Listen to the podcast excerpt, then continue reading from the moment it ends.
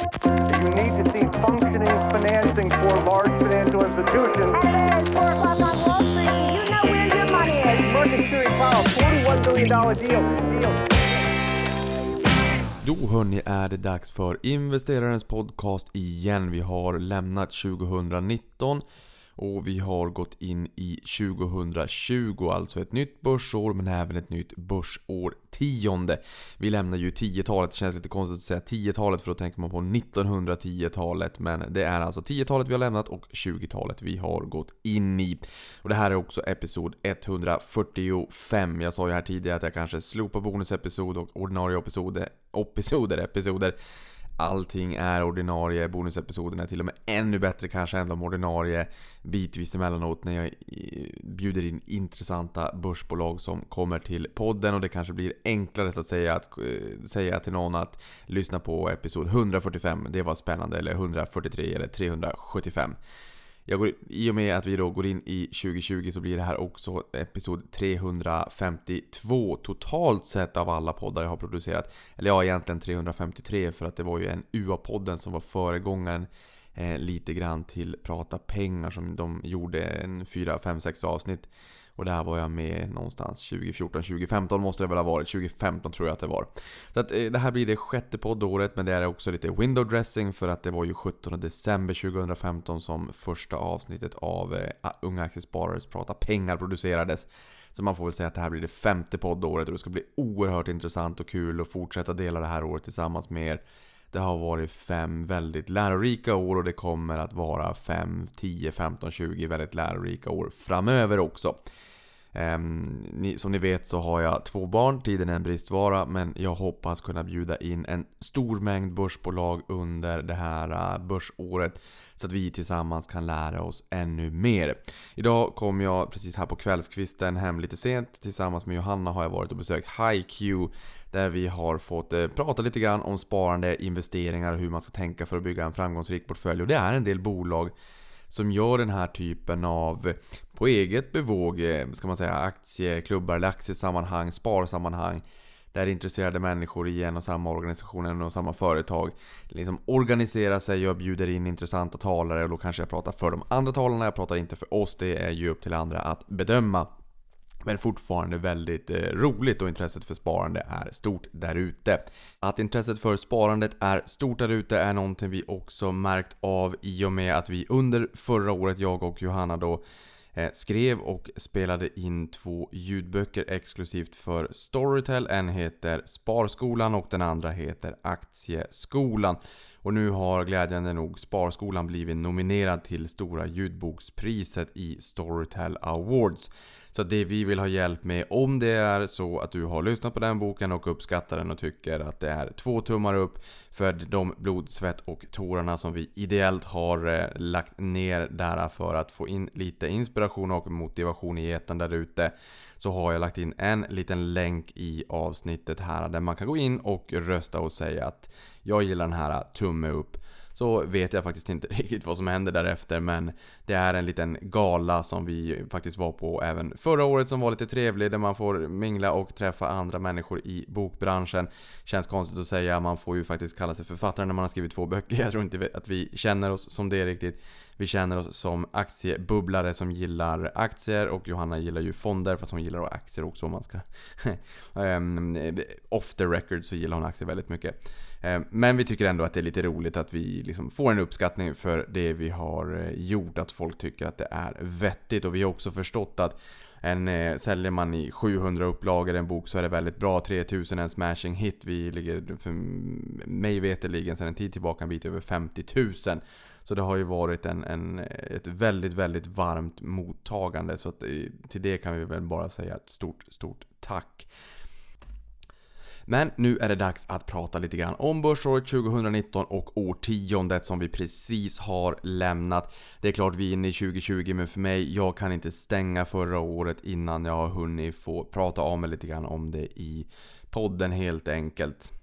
Jag sitter med en liten graf framför mig där jag ser hur börsen har presterat det senaste årtiondet. Och tittar vi isolerat på avkastningssiffran på Stockholmsbörsen då OMXS30 under förra året så ser vi att vi fick en uppgång på 25,78% eller 30,7% om vi inkluderar återinvesterad utdelning. Eh, och det här var det bästa börsåret under förra årtiondet och även bästa sedan 2009 då börsen steg 48% inklusive återinvesterad utdelning. Det var ju en väldigt stor uppgång men då ska vi också komma ihåg att det var ju återhämtningen efter eh, finanskrisen som bottnade då 27 oktober 2008. Så att 2009 var ju ett, ett återhämtningens år. Jag har för mig också att vi var tvungna att vänta till mars 2009 innan vi fick vändningen i USA. Och det här är ju intressant. Jag menar, börsåret 2018, nu börjar det faktiskt vara ett tag sedan. Ehm, det är tre kalenderår sedan, men då kommer vi ihåg att vi fick den här sektorrotationen från techbolagen som hade gått väldigt bra fram till sommaren. Eh, och en liksom, omallokering, en rotation till hälsovårdsbolagen istället som inte riktigt hade hängt med lika mycket. Det blev en, en rätt stor rotation och det blev lite följa John-beteende och sen eh, ledde det faktiskt till en viss oro och en techfrossa som gjorde att 2018 ju inte alls vart riktigt så roligt. Det var stora fall. Ta oktober bara som exempel var ner 7.47. I och för sig så var ju maj i 2019 ner 9.88 så att du menar rörelser har vi ju haft eh, och kommer alltid att ha så att säga. Men börsnedgången var 17,9% och många tyckte nog liksom att äh, det här var lite jobbigt. Techbolagen hade det riktigt, riktigt tråkigt. Det var sämsta börsåret sen, eh, sen finanskrisen i USA, sämsta december, sen depressionen, sämsta julafton någonsin och ja, det här har ni hört tidigare. Och sen hade vi då starten på 2019 som blev den starkaste starten på, eh, på eh, 32 år.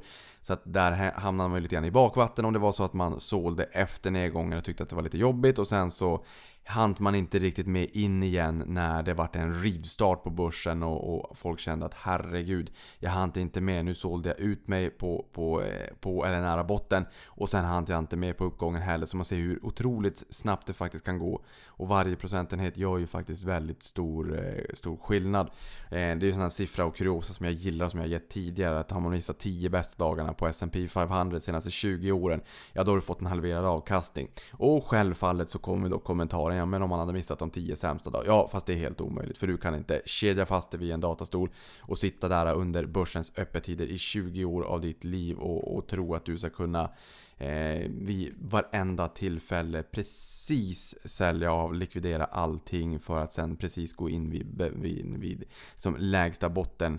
Eh, det är en väldigt, väldigt svår abrovink i förhållande till att bara sitta och eh, rulla tummarna helt enkelt. Men förra året, i vanlig ordning, så fick vi korrektioner. Jag menar, vi har haft... Alltså börsen Börsen över tid stiger, när normaltillståndet på börsen är stigande börs. Det är så det är. Ni vet att de här börskrascherna som man ofta pratar om, de är vanligare i fikarummet än på börsen. Likaså i fjol då, 2019. Många pratade börskrasch 2018. Det blev det starkaste året på ett årtionde 2019. Jag tycker liksom lite grann förra året blev ett skolboksexempel på hur svårt det är att tajma. Och sen så i efterhand så kommer de här förklaringsvärdena eh, och förklaringar liksom Jo men i och för sig och det var ju så här den här gången och så här. Ja, men bottom line. Det är jättesvårt att hoppa från tuva till tuva och tajma marknaden. Det är därför jag säger time in market är mycket, mycket bättre än market timing. Men när man ska in med nya pengar. Om det är så att man tar lite, nallar lite grann från sitt buffertsparande, skjuter in i portföljen, man använder kreditlina, eller man ökar upp sitt löpande sparande. Det kan man ju absolut göra när man har fått en sättning i marknaden. För då kan man med ganska god sannolikhet säga att ja, men nu har vi fått en sättning i marknaden. Det här kommer rimligtvis att bli ett bra köp det jag gör nu efter den här nedgången. Men om det blir ett bra köp till imorgon, nästa månad, nästa kvartal, halvår eller år. Det låter jag vara osagt. Men eh, historiskt sett så ja, det har varit bra att eh, köpa på sig mer i de bolagen man vill äga i långsiktigt när det är lite surare sentiment och jag tycker att 2019 blev ett skolboksexempel på det här. Ehm, och som vanligt korrektioner. Ni vet att jag brukar bjuda på lite sån här eh, statistik. Och jag har ju kikat då att sedan 1984 så har vi fått 32 korrektioner av de då 36 åren fram till i fjol. Så att i 89% av fallen så har vi fått korrektioner under året. Alltså en nedgång på minst 10% från topp till botten alldeles oavsett hur börsåret har presterat. Och det var samma sak här igen. Förra årtiondet, 7 av 10 år var positiva. Men vi hade två korrektioner i fjol. Första på minus 12,12% från 25 april till 3 juni. Och sen hade vi ytterligare en korrektion på minus 10,8% och den tror jag började 3 juli till mitten på augusti. Och för er som kommer ihåg det så var det då man var lite orolig för den inverterade räntekurvan i USA när amerikansk 10-åring var lägre än amerikansk 2-åring. Sen månaden efter det så steg börsen i häraden typ 18%. Eh, så det, har varit en, det var en del svängningar under förra året och gladeligen, någonting som gjorde mig väldigt, väldigt glad, det var att vi fick ett nytt all time high. Eh, media tycker ju om att påminna om hur mycket börsen har stigit, men börsen har ju inte stigit så jättemycket om man ska vara realist. Eh, börsen har ju stigit någonstans här och den 40% sen 12 juli 2007, det vill säga dagen innan finanskrisen. Sen fick vi en Black Swan rakt ner i källaren. Men det är ju väldigt, väldigt trevligt att mäta från botten när man trycker ner den här badbollen i, på botten av poolen. För det, det låter mycket roligare, det blir mycket, mycket bättre dramaturgi. Men så mycket har ju faktiskt inte börsen eh, stigit helt enkelt. Och tittar vi på, eh, och det här då, då 21 oktober så fick vi ett nytt all time high. Eh, 1639 dagar efter den 27 april 2015. Och där hade vi ju Atlas Copco att tacka för en ursinnig tvåsiffrig uppgång. Ehm, och ursinnig för att det är ju Stockholmsbörsens största eh, bolag mätt i börsvärde. Och då exkluderar vi ju exempelvis AstraZeneca som, är, eh, ja, som har sin hemvist i UK. De gick upp väldigt, väldigt mycket och jag tycker det också var intressant för det var ju deras vakuumdivision som presterade väldigt bra. Och ni kanske kommer ihåg att det var en del diskussioner kring handelskonflikten och handelskrig mellan USA och Kina i fjol. Jag tror inte att någon har missat det. Eh, och en branschsektor som man menade påverkades väldigt mycket av det här var ju eh, semiconductors eller halvledare. Eh, kiselbolagen. Eh, och, och eh, Många av dem har gått ganska knackigt och man menade på att ett steg i handelskriget skulle kunna vara att Kina förbjuder exporten av sällsynta jordartsmetaller som behövs för eh, tillverkningen av halvledare och det skulle kunna vara liksom, det är minneskort och det är grafikkort och, och allting som du behöver till processorer som du behöver till techbolagen helt enkelt. De är helt beroende, även alla bilar, all, all form av elektronik behöver ju halvledare, all, mer eller mindre all eh, elektronik. Eh, och det här skulle bli väldigt, väldigt jobbigt och sen så visade det sig att ja, det kanske inte var så jobbigt för det var ju vakuumdivisionen som är en underleverantör till halvledarindustrin som gjorde att Atlas Copco fick den här fantastiska uppsvinget. Det är en, en lönsam division för dem. Och där visade det sig, var det så här, men, men hade inte de här ganska jobbigt? Eh, jo, det hade de. Men det anledningen till varför det gick väldigt bra för dem, det är för att halvledarbolagen, trots att det var ganska liksom, torftiga tider, ganska jobbigt för dem, så köpte de fortfarande väldigt mycket för att de investerade för nästkommande generation. Och det är så här, ja, det är lite grann som att säga att Nej, jag borstar inte tänderna för att tandkrämen är lite för dyr just nu. Eller jag tänker inte ringa till Nomor eller Anticimex trots att jag har kvalster eller, eller eh, råttor kanske som springer runt i, i lägenheten eller silverfiskar eller vad det kan vara. Därför att det är lite sämre ekonomiska tider just nu. Jag fick inte den löneförhöjning jag förväntade mig eller vad det kan tänkas vara. Så jag väntar en stund. Nej, det gör man inte. Så det är samma sak här. Alltså det, här det är trender som, som marknaden helt missar, som man inte tänker på. Att ja, men de investerar ju i nästkommande plattform för nästa generations halvledare. Ingen vill liksom hamna på i bakkälken, ingen vill vara sist i löpspåret. Det är väl eh, eh, tacka tusan att man investerar här, trots att det kanske är lite jobbigt just nu. Så det här är liksom, det är viktigt att ha med sig tycker jag, en viktig påminnelse. Det här är lite grann samma sak som Avanza. Utan att kommentera värderingarna så kan man väl säga att vi har sagt att vi är en räntekänslig bank.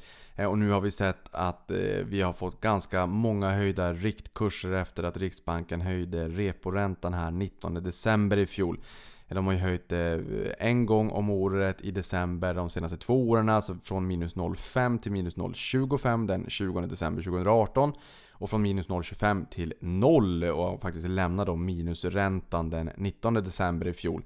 Och där har vi ju skrivit i vår eh, redovisning att 100 punkter på räntan eller 1 procentenhet, ja men det motsvarar 300 miljoner kronor. Eh, så att jag menar, normalt sett så har vi ju ganska hyggliga ränteintäkter som andel av vår intäktsmix. Men det har ju inte synts de senaste åren för att vi har haft lite konstigt ränteklimat. Nu kommer det in ganska många miljoner. Jag vet inte exakt hur den kurvan riktigt ser ut. Men det borde ju vara så att den är som allra starkast från minus 0,50 till 0. Men ta bara liksom enkel matematik, bara dela det där.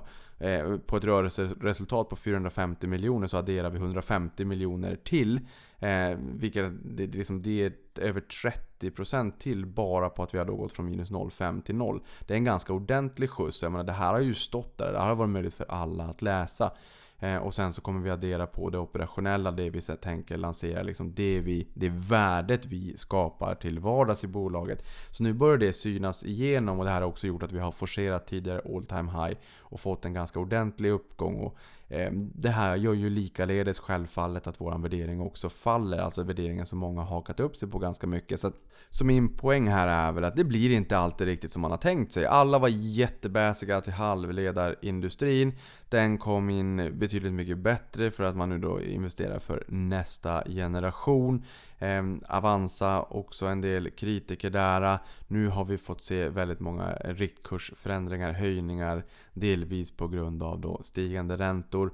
Vi har fått många fastighetsbolag som har haft ursinniga uppgångar trots att man menar på att räntorna har varit urlåga. Det kan inte, det kan inte bli lägre, vi kan inte se mera fallande avkastningskrav. Så det blir inte allt som man tänkt, tänkt sig och det ska man nog vara ganska ödmjuk inför kan jag eh, tycka.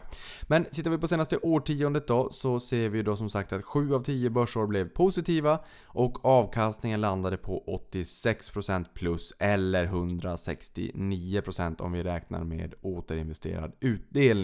Sen har vi USA som riktkar och där ser vi att S&P 500 då steg 28,8% vilket var bästa börsåret sedan 2013 som steg en bit över 29% då.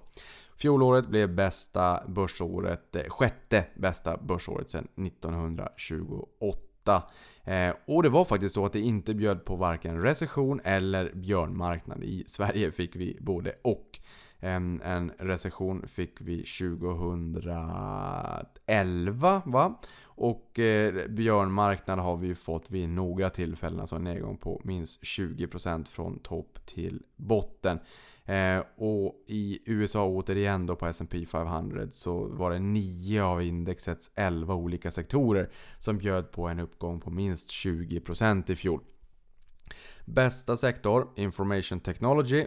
Sen Communication Services, där fick vi en omdaning så att vi fick en del av techbolagen som flyttade in i Communication Services här tidigare. Och sen sista eh, var Financials. Där techbolagen steg 47,9% eller Information Technology. Communication Services steg 29,9 och Financials 29,2. Och energisektorn var den sämsta sektorn med en uppgång på 4,69%. Eh, och det här har varit den sämsta sektorn i fem av de senaste sex åren. Och nu börjar ju också hållbarhetsomställningen på riktigt. Det är liksom en, en verkligt stor takeaway från investerarresan i fjol när vi träffade väldigt, väldigt många på det temat i New York. Vi var där med SPP New York. De har ju hållbarhet som genomsyrar hela, hela organisationen. Men nu inser man att liksom den här omställningen är verkligen på riktigt. Chevron tog en nedskrivning på motsvarande 100 miljarder svenska kronor eh, här i fjol. Nu idag fick vi en riktigt, riktigt, riktigt blytung nyhet när Larry Fink som VD för världens största kapitalförvaltare Blackrock sa att eh, det här händer nu. Vi skickade ut VD-ord till alla eh, bolags som de har investerat i. Och det är alltså världens största kapitalförvaltare med motsvarande 7000 miljarder dollar under förvaltning. Vilket någonstans motsvarar eh, 9 Stockholmsbörsen. Och säger att liksom man kommer att fokusera och låta hållbarhetsaspekten genomsyra allt man gör på Blackrock. Och han menar att han blev känslomässig när han skrev de här orden. När han också insåg att det här förmodligen är en av dem, eller den till och med, den största krisen på Wall Street under hela hans karriär. Ehm, så att Eh, New York har också sagt att de ska gå jättelångt och bli klimatneutrala. Europa säger att kontinenten ska bli den första klimatneutrala kontinenten. Och här menar jag på att det här förmodligen kommer leda till att eh, lösningsbolagen kommer att vara eh, den, en av de bästa investeringstemana i en generation eller för kommande generationer. Jag tror att det här verkligen är en, en, en, eh, en, en monumental vattendelare just nu. Eh, långsiktigt vad som kommer hända med bolagen med lite mer bruna tillgångar kontra de bolagen som är lösningsbolag och rider på trenden. Eh, plast i haven läste jag någon artikel för i en tidning här för några dagar sedan. Och då har jag liksom, hittat den här reflektionen, jag har läst om det tidigare också, men att det är så pass mycket plast i havet som har flytit ihop i någon form av liksom ö så att den är, motsvarar en storlek av tre Frankrike. Det är liksom helt absurt när man tänker på det. Vi har hittat plast i Marianergraven som är världens djupaste djuphavsgrav med typ 1,1 mils djup. Eh, och Tomra säger att det kommer vara mer plast än fisk i haven 2050 om vi inte skärper oss. Eh, och det här är ju bara ett exempel. Men, men liksom den här omställningen sker verkligen just nu. Någonting annat som var glädjande i fjol också var ju att vi fick första elektrifierade flygningen. Kommersiella flygningen som varade i 15 minuter. Och där menar man på att det här förmodligen är starten på en, eh, en revolution. Och eh, tredje, ehm, tredje delen i flygindustrins historia som är en elektrifierad sådan. Så det ska bli oerhört intressant att se vad vad det här eh, 20-talet kan bjuda på på det området helt enkelt. Men indexerna i USA, S&P 500 28,8% i fjol, Nasdaq 35,2%, Russell 2000 23,7% och Dow Jones 22,3%. Några bolag, Apple upp 86%, de eh, bottnade 3 januari och har haft en absurt fin uppgång. De passerade ju 1 trillion dollars den 2 augusti 2018 vill jag minnas. Alltså 1000 miljarder dollar och nu ligger de på 1400 miljarder dollar. Microsoft gick upp 55%, JP Morgan 43%, Visa 42%. Och några bolag på S&P 500 var eh, AMD, eh, Advanced Micro Devices, AMD konkurrenten till Intel.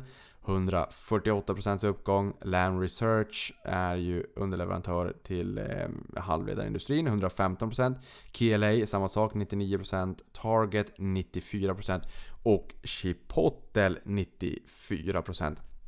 Intressant med Target, att de kan liksom motstå konkurrensen från eh, Amazon och nu börjar man ju se att en del bolag, typ som Target och som eh, Walmart, börjar kunna hitta sin nisch och sin differentiering och sin positionering i en allt mer digital värld. Ehm, så att de har liksom kunnat allt mer fenda off eh, det absoluta mest kritiska hotet från Amazon. Så att det, jag tror att Ehm, den här utvecklingen för Target tog väldigt många på sängen och en stor del av den tillväxten kommer faktiskt från e-handelsbenet på Target om jag har förstått det hela rätt. Chipotle vill jag också bara påminna om att de hade det ju väldigt, väldigt jobbigt från 2015 med deras E. coli-utbrott när man blev eh, matförgiftad. De, har haft det, ja, de hade det jobbigt under väldigt, väldigt många år. Eh, men jag vet inte om alla är medvetna om att McDonalds var en rätt hyggligt stor investerare i Chipotle. Eh, från 98 till 2006. Eh, och hur stor eh, hur, hur, stor vinning Chipotle har haft och hur stor del av deras success story som bygger på att de hade McDonalds som stor ägare, det vet jag inte. Men det är ändå lite kul att, ja men en kul kuriosa får man väl säga. I USA så hade vi IPOs, eller börsintroduktioner värda mer än 50 miljoner US dollar, det var 159 stycken. Ner en bit från 192 stycken 2018. De reste 46 miljarder US dollar och drygt en sjättedel av det här då utgjordes av Uber. Vi fick ju både Lyft och Uber under året och de har ju inte varit några roliga historier. Vi kommer tillbaka till det lite grann om en liten stund. Men det jag tror att många funderar lite grann på det är ju självfallet om det här kommer att kunna fortsätta. Och där hittade jag lite statistik som visar att S&P 500 historiskt vid uppgångar på minst 20% vilket vi har fått 2003, 2009 och 2013. Därefter då har bjudit på en snittuppgång om 11% året efter, det vill säga börsåren 2004, 2010 och 2014. Vad säger det här? Ja, kanske ingenting, men det är alltid lite roligt att titta på historien helt enkelt. Men någonting annat som jag tycker är roligt att titta på också, det är eh, eh lite grann lite statistik för hur de andra årtiondena har varit, alltså 10-talet i förhållande till andra årtionden. Eh, och där ser vi ju att snittuppgången var på 11,2% för eh, S&P 500 under 10-talet. Eh, och det var ganska hyggligt för 2000-talet bjöd på minus 2,7%, 90-talet 15,3%, 80-talet 12,6%, 70-talet 1,6% om året, 60-talet 4,4% och 50-talet 13,6%. Antalet korrektioner, det vill säga nedgångar på minst 10% från topp till botten då, var eh, 6 stycken under 10-talet och 11 stycken under 00-talet. Och det är ändå ganska höga siffror för 90-talet var 5, 80-talet 9, 70-talet 7, det är ju i och för sig enkelt att komma ihåg då. 60-talet 5 och 50-talet 6. Så det är inte jättemånga korrektioner, det är desto vanligare med korrektioner i Sverige. Där har vi liksom fått dem eh, typ en gång om året. Eh, så det är ju mycket, mycket vanligare. Eh, och några minnen från årtiondet som jag tänker man tar med sig det är ju Flash Crash i maj 2010 Eurokrisen 2011-2012 och Grekland självfallet. Vi gick in i 10-talet med magsår vad gäller Grekland och PIGS-länderna pratade vi om. Nu ska vi se om jag minns det här, det är ju ganska länge sedan. Men det är Portugal, Irland, Italien, Grekland och Spanien. Sen kom man ju på att pigs betyder någonting. Det är ju inte så trevligt när, man, när det är grisar. Så då fick man helt enkelt vända på det och så vart det gipsländer istället. Jag vet faktiskt inte varför det tog så lång tid att inse det. Sen hade vi Kinas valutadevalvering 2015. Vi, de öppnade ju ner typ 7% någonting eh, första börsdagen 4 januari 2016. Sverige var också ner ganska mycket då. Sen hade vi Brexit under det året och vi hade Trump som blev president under det året. Senaste två åren, 18-19, har vi haft handelskonflikten.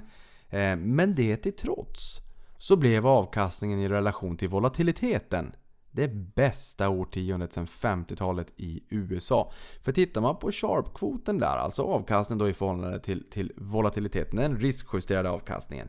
Då blev den 1,01. Eh, och ja, 2000-talet minus 0,23. 90-talet 0,98. 80-talet 0,52. 70-talet minus 0,03. Och 60-talet 0,32. Så att den riskjusterade avkastningen var väldigt bra under förra årtiondet. Och vi kommer ju ihåg att vi har lyssnat och sett mycket om det här i media, att volatiliteten är så låg. VIX, skräckindex. Vissa av er kanske till och med har glömt bort skräckindexet VIX. Eh, ibland så är det på tapeten när det spikar ordentligt, när det är stor oro i marknaden. Men, eh, men annars så... Eh, så tycker jag att det har varit ganska tyst om det här eh, indexet under ganska lång tid.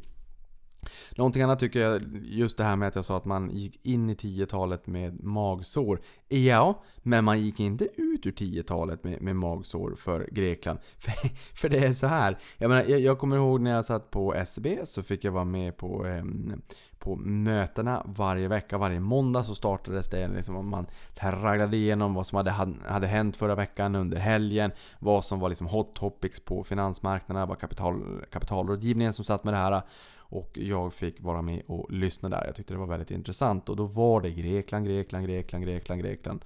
Eh, också så att Eh, Eh, Grekland har ju eh, ECB som sätter referensräntan men varje enskilt land har ju sin egna finanspolitik och styr liksom finanspolitiken sådär och skatter och så. Eh, och det är ju också så att om allt skulle gå käpprätt åt fanders så är det ju varje enskilt land som måste borga för insättningsgarantin att man, människor får tillbaka sina pengar om en bank skulle gå i kaputten. Jag har varit, eh, själv varit med om, om tre kraschade banker. Ehm, det det var Kaupting, eh, Parex och Capi Nordic. Ehm, jag har eh, alltid fått ut mina pengar så att säga. Men här så i Europa så, så står det ju vilket land som eh, sedlarna är tryckta i.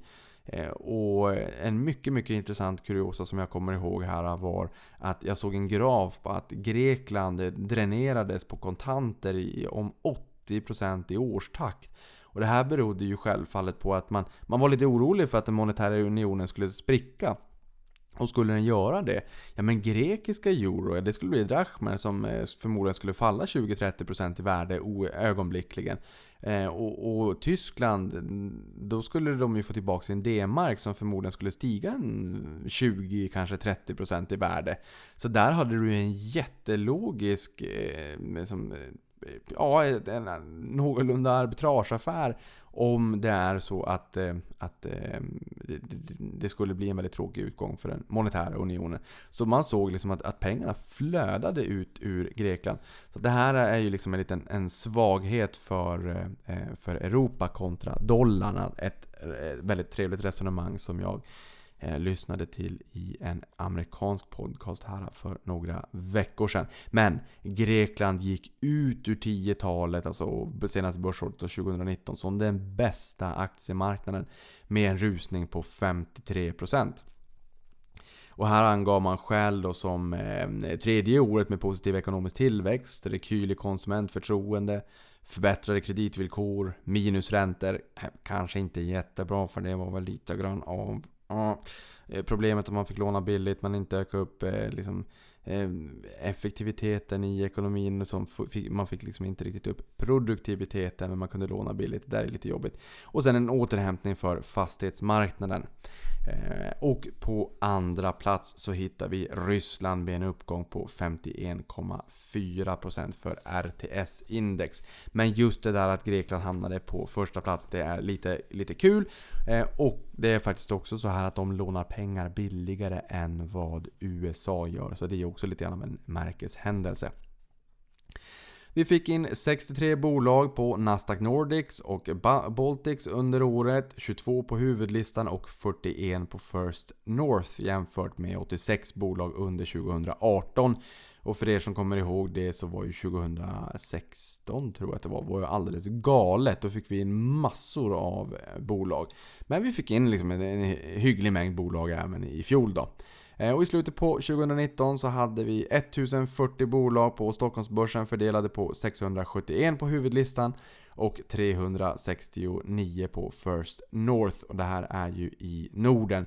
För i Stockholm så har vi 386 bolag på huvudlistan. Novo Nordisk är ju eh, den, det största bolaget i Danmark och man, vi har ju mycket läkemedelsbolag i Danmark. Vi har lite, eh, lite bärs där nere också.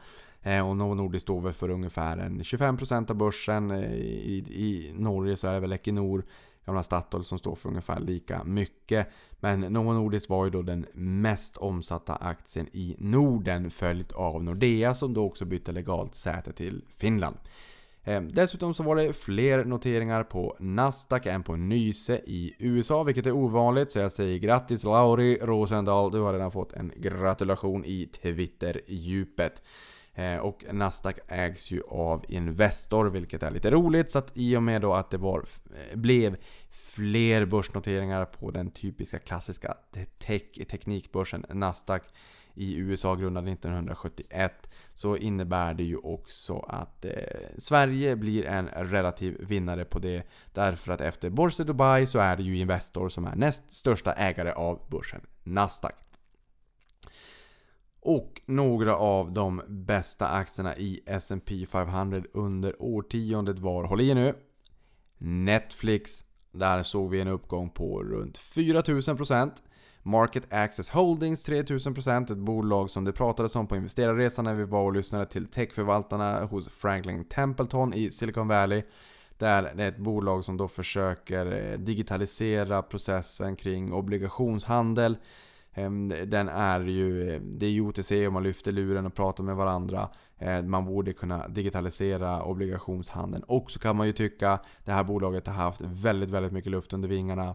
Sen har vi Abiomed 1765%, United Rentals 1605%. Ett bolag som jag såg på plats när vi besökte Skanska i New York så såg jag United Rentals där. Sen har vi Align Technologies på 1431%. Ulta Beauty på 1294. Amazon självfallet 1200. Ross Stores på 1095 och O'Reilly Automotive på 1047. Ehm, och det är ju... Det, ja, det är ju aktier som har gällt på 10-talet. Det är ganska ovanligt att ett helt årtionde blir negativt. Jag tror att det har hänt en gång de senaste 110 åren.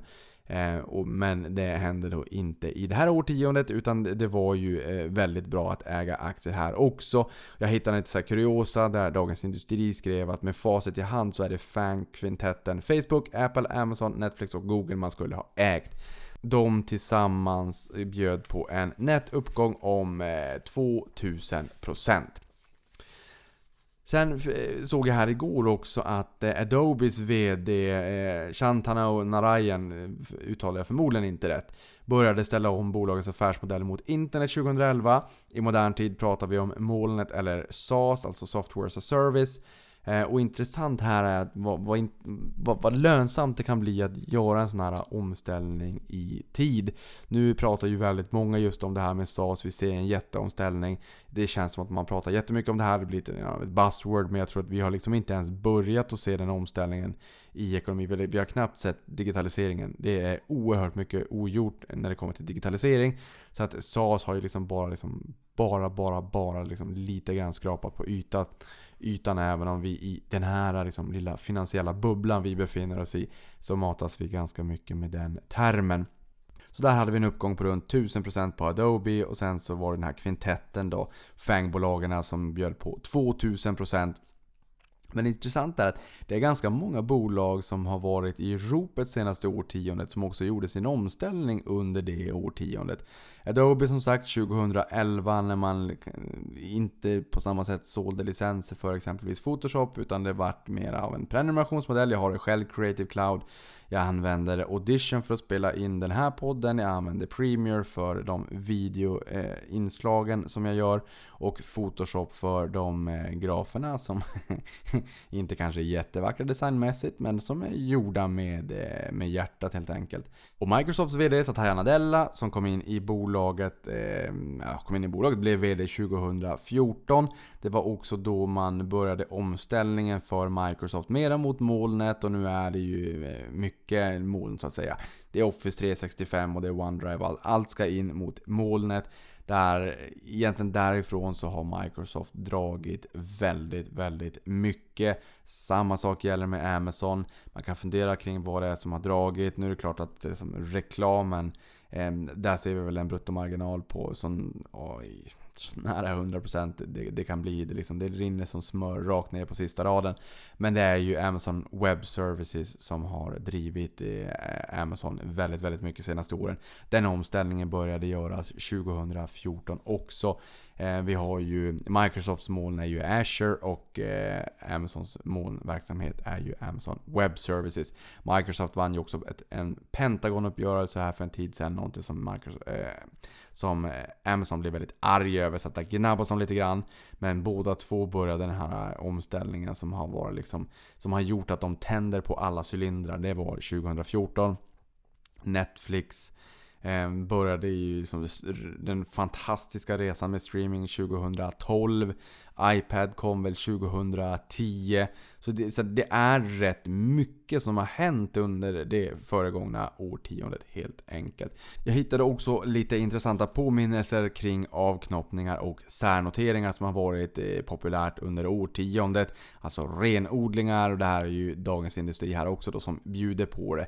De skriver att det har varit på modet att putsa på portföljen, renodla och knoppa av som SCA som knoppade av och särnoterade Essity, Atlas Copco, Epiroc, Autoliv, Veoneer, Getinge, Arjo, NCC, Bonava och MTG Nent och sen Hemfosa då, Nyfosa. Och Hemfosa har ju nu då svalts av SBB. Där lyssnade du på Ilja Battlian här för något avsnitt sen också som kommenterade budet. Så att Hemfosa finns inte längre, det går fort i hockey.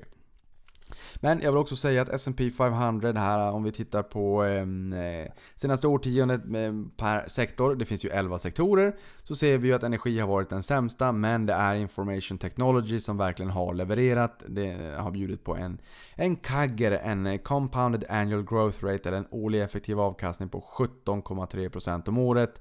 Så att det, det, är fortfarande tech som driver och det kommer fortfarande rimligtvis vara tech som driver. Det är inte speciellt kostsamt att sälja ytterligare en kodsnutt av någonting digitalt och logistiken är så nära gratis man bara kan komma. Speciellt om det är D2C eller Direct to Consumer, alltså att du äger hela liksom ledet direkt till konsumenten snarare än att du säljer ett spel på Steam där Steam tar 30% av kakan. Ehm, eh, så att eh, jag tror fortsatt att det är, liksom, det är digitala varumärken och eh, tech som kommer att driva även det här årtiondet. Men alla bolag där ute kommer att på något sätt påverkas av tech, digitalisering. Det är bara liksom i, i, olika utsträckning. Så att nu i det här årtiondet så kanske vi ser de liksom klassiska traditionella bolag mer eller mindre få större inslag av tech. Eh, ett sånt som man inte riktigt tänker på tech, det är väl kanske Starbucks med, med eh, kaffe. Säljer förvisso 4 miljarder koppar kaffe om året. det är ganska mycket.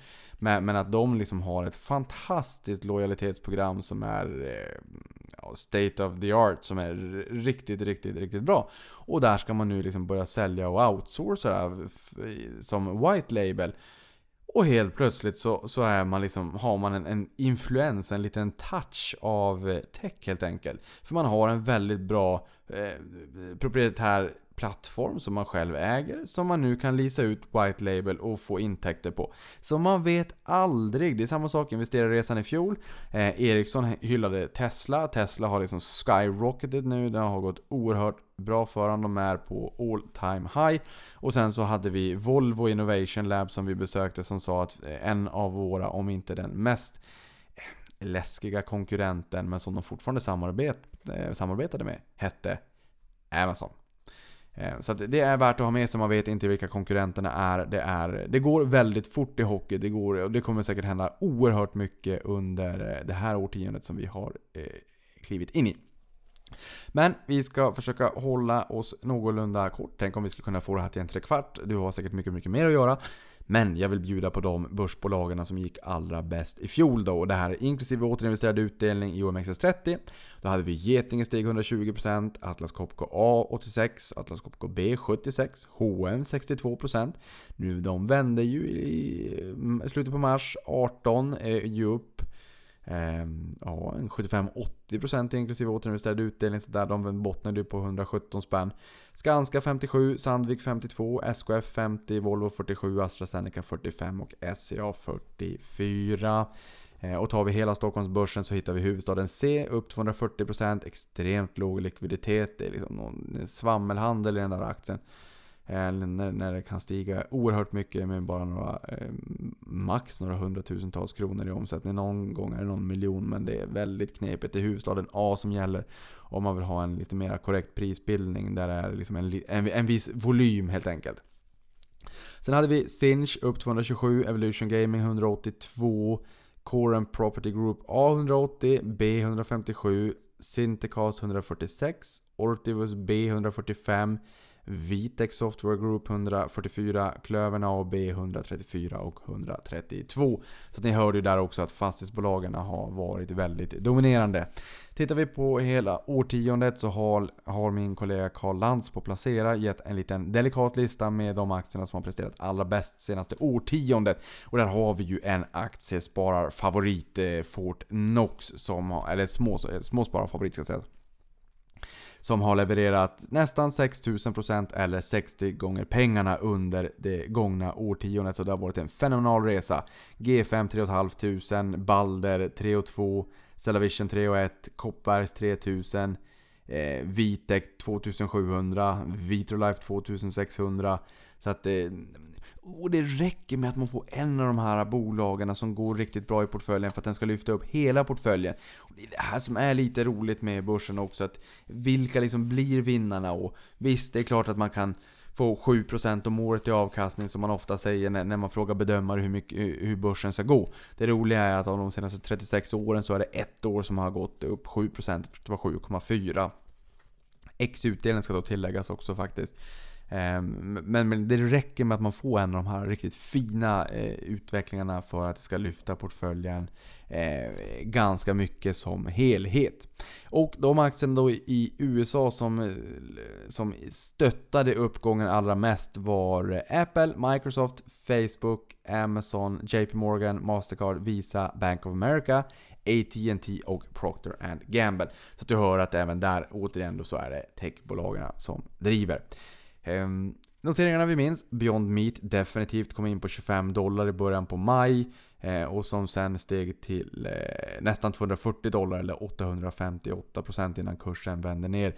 Vegantrenden oerhört stark. Impossible Foods pratar man om. De har sagt att vi kommer inte att fortsätta försöka leverera till McDonalds för att vi har problem med volymerna. Jättebra för Beyond Meat. Men det blir lite knepigt när det inte finns några noterade peers att jämföra sig med.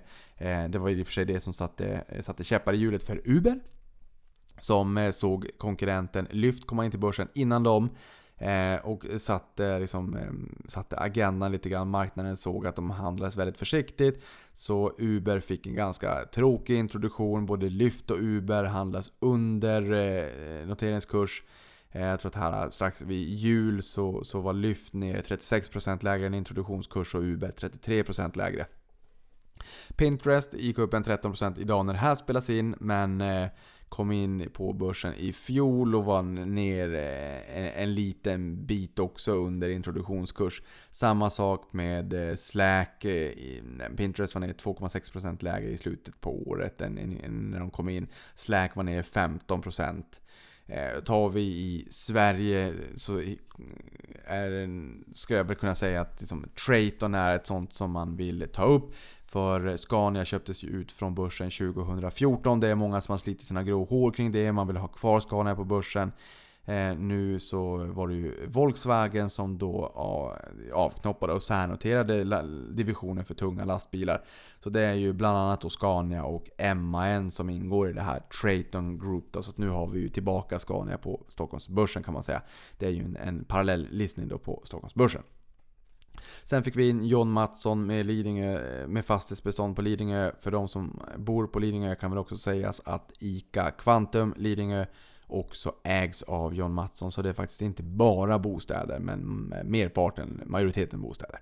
Sen K-fastigheter, där Erik Selin också hade med en liten stek. De kom in och gjorde en ursinnig debut. Eh, på, eh, på eh, börsen. Där gjorde jag ju en liten poddinspelning också med VDn här, så att det kanske du redan har lyssnat på. Eh, John Mattsson är ju också modern till JM kan man väl säga om man vill ha lite kuriosa. Och sen så har vi ju en av de mest namnkunniga introduktionerna under fjolåret var ju EQT. Och när jag tänker på EQT och det här liksom torra, torftiga exemplet som jag tog tidigare med, med råttor eller kvalster och sådär. Eh, så tänker jag på Anticimex. De kom, grundades ju 1934 och Anticimex betyder mot vägglös för vartannat hushåll då hade vägglös. Och det här är ett bolag som jag önskar skulle kunna komma in på börsen. Då hade jag gärna velat äga det. Tittar man på Rollins i USA så ser man att eh, den typen av bolag premieras med en ganska saftig värdering. Nu är det dags för ett nyhetssvep. Och då kan man säga att Storytel överträffade sin prognos för Q4 och passerade milstolpen 1,1 miljoner betalande abonnenter. Eh, det motsvarar en årlig tillväxttakt på 41% och streamingtjänsterna kom in över eh, prognos då och steg 45% year on year. Det här har jag skrivit för några dagar sedan, kanske till och med någon vecka sedan, men jag ville ta med det. Idag hade de en kapitalmarknadsdag och där har man också höjt eh, målen lite grann så att den fick en ganska fin start här i, idag då när det här spelas in den 14 januari. Sen har vi bolagen i S&P 500 som distribuerade utdelningar motsvarande 485,4 miljarder dollar i fjol. Och det är åttonde året i rad med eh, rekordutdelningar vid sidan av då klassiska återköp. För i USA är det ungefär hälften av total distribution som är utdelning och hälften brukar vara återköp. Som ett aggregat då. Och utdelningstillväxten i fjol var 6,4% och 8,7% 2018. Sen har vi Apples kunder som spenderade hiskeliga, det kanske du och jag är med där, hiskeliga 1,42 miljarder dollar på appar mellan julafton och nyårsafton. Det är en ökning med 16% year on year och på nyårsdagen när vi var lite trötta och kanske käkade lite pizza så spenderade vi 386 miljoner dollar vilket var ett nytt rekord och upp 20% year on year. Eh, och 2019 var det bästa året någonsin då för services. Man har ju krigat för att ställa om perceptionen på bolaget från hårdvara och eh, försäljning av antal lurar. Och menar på att det är mera liksom den installerade basen av telefoner globalt och hur mycket tjänster, hur mycket appar och hur mycket tillbehör och sådär man köper. Som är viktigt och det här fick man väl delvis rätt då för man inser att services växer väldigt, väldigt kraftigt. Sen har vi McDonalds som fördubblar antalet restauranger som säljer Beyond Meats burgare i Kanada. Det här är en förlängning av deras test att erbjuda plantbaserade alternativ. Eh, och precis som jag sa här för en liten stund sedan då. Så konkurrenten Impossible Foods har gett upp ambitionen om partnerskap på grund av svårigheter att leverera volym. De har ju ett partnerskap med Burger King. Sen har vi 2019 som blev ett rekordår för VD-sorti i USA. Totalt lämnade 1640 direktörer sina skepp, vilket är den högsta siffran sedan eh, Challenger, Grey och Christmas började mäta det här 2002. Det hade varit bra om man hade mätt det här kanske. Några år innan, för 2002, så bottnade ju IT-kraschen. Eh, och fjolåret slår alltså krisåret 2008. Om det här är eh, liksom någon form av ledande indikator, jag har ingen aning. Men det var ändå lite intressant så jag ville dela med mig av det. Sen har vi Disneys Frozen 2 som är officiellt den animerade film som dragit in mest pengar någonsin. Filmen drog in, när jag skrev den här påminnelsen i min anteckning då, 1,3 miljarder US-dollar sen lanseringen. Nu är det ju självfallet då lite mer. Och det här bräckte tidigare rekordet vilket var eh, Frozen, den första då från 2013. Där den drog in, eh, grossade 1,27 miljarder US-dollar och nu är vi liksom över 1,3 då. Och Disney äger prispallen topp 3 filmer. Sen har vi den anrika brittiska lyxtillverkaren Aston Martin som vinstvarnar för helåret 2019 och betecknar det som ett besvikelsens år. Kostnaderna har skenat och efterfrågan dämpats vilket skapar en rätt tråkig kombo. Eh, sen börsnoteringen i oktober 2018 är aktien ner hela 75%. Så det är lite jobbigt. Sen har vi sista då. Förra kvartalet återköpte bolagen i S&P 500 tillbaka egna aktier för 189 miljarder US-dollar. Och det är högsta nivån på tre kvartal men den högsta nivån sattes i Q4 2018 på 223 miljarder US-dollar. Det får man ju så här i efterhand säga att det var riktigt bra återköp rimligtvis. För det var väldigt, väldigt eh, nedpressade nivåer då. Så det är förmodligen någonting som har kommit aktieägarna till gagn. Även om jag kan tycka att det här med återköp är lite delikat när bolagen ska agera stockpickers.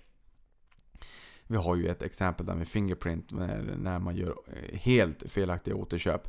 När du äger aktier som går ner plus att du äger aktier i ett bolag som har återköpt egna aktier som också går ner så att det blir en dubbel kaka på kaka effekt.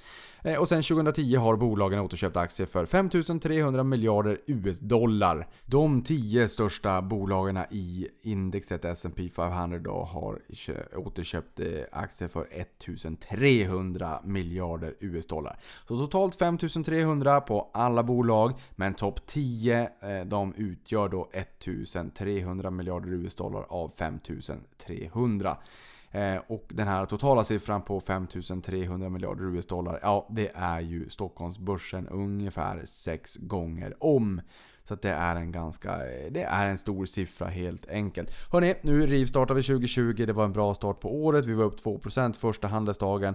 Och sen kom ju den här eskalerande oron när, mellan USA och Iran. När man eh, med en raketattack dödade den iranska toppgeneralen Qasem Soleimani på irakisk mark. Eh, och det här eh, spelades över ganska snabbt när både Iran och USA var ute och tonade ner och sa att man inte vill ha någon eskalering av det här.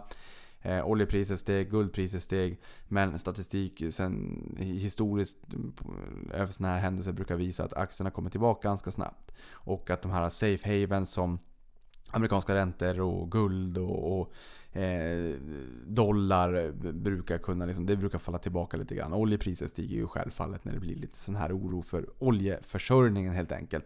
Men det, eh, den oron la sig ganska snabbt och det kunna, brukar kunna vara så. Som sagt, det går snabbt i hockey. Hörrni, Stort tack för nu och sen så hoppas jag att även ert 2019 var ett väldigt bra börsår och att 2020 har börjat starkt så hoppas vi att även det här året och det här årtiondet blir ett väldigt lönsamt dito. Så jag säger avkastning på er. Och sen hörs vi snart igen.